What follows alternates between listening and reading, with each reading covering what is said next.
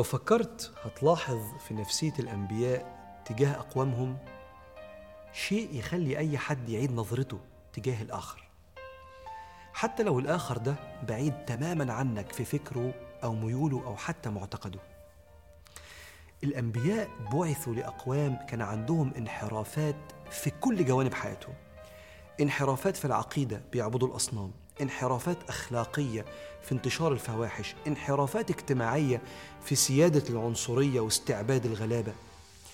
لكنك تفاجأ أن الأنبياء كانوا بيتكلموا مع هؤلاء المنحرفين أخلاقيا وعقائديا واجتماعيا بمنتهى الأدب والإحترام بل والحب. ولم تكن الانحرافات دي سبب في احتقار الأنبياء ليهم.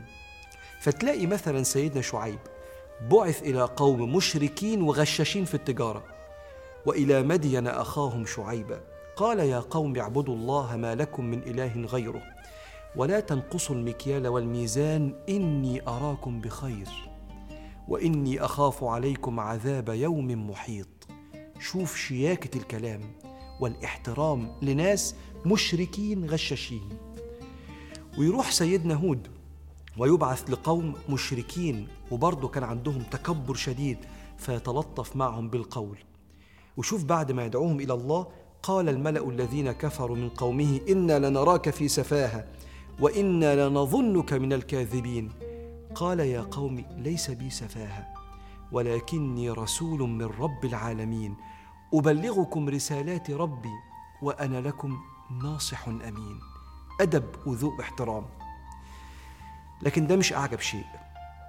الأعجب إن الحب اللي ملأ قلوب الأنبياء ده خلاهم ما يشمتوش في الناس دي بعد ما ربنا هيوقع عليهم العذاب.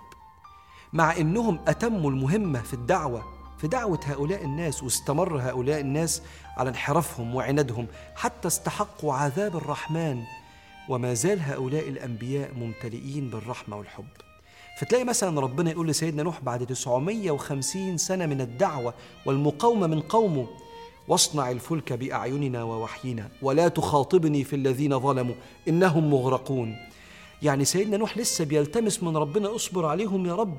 وبيخاطبه بيقول له ما تكلمنيش في الناس دي قضي عليهم بالعذاب. وسيدنا إبراهيم تيجي له الملائكة تبشره بالخلفة بعد سنين طويلة مستني الولد. وكان في نفس الوقت ده وقت إهلاك قرية لوط بسبب فواحشهم المنتشرة وكفرهم. فسيدنا إبراهيم يتناقش مع الملائكة. ربنا يقول فلما ذهب عن إبراهيم الروع وجاءته البشرى يعني بالولد يجادلنا في قوم لوط. إن إبراهيم لحليم أواه منيب. يا إبراهيم أعرض عن هذا.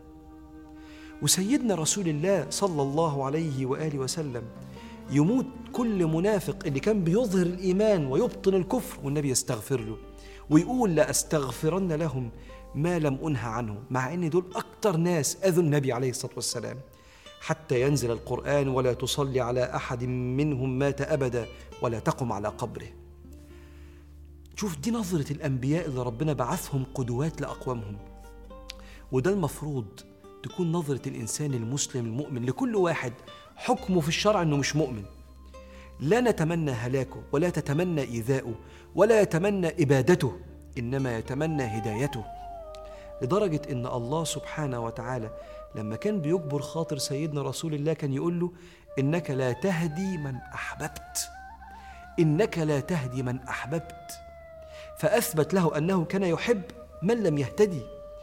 هو ده ديننا وده قرآننا. المبني على الرحمة. لا على الكراهية ومبني على الحب لا على التشفي والشماتة ومبني على إرادة إيصال النفع والهداية ثم بعد كده احترام اختيار من لم يؤمن والاستمرار في الدعاء له. اللهم اهد قومي فإنهم لا يعلمون. دي أخلاق سيدنا رسول الله ودي نفسية الأنبياء. فاللهم أبرم لأمتك أمر رشد يعز فيه أهل طاعتك ويتاب فيه على أهل معصيتك.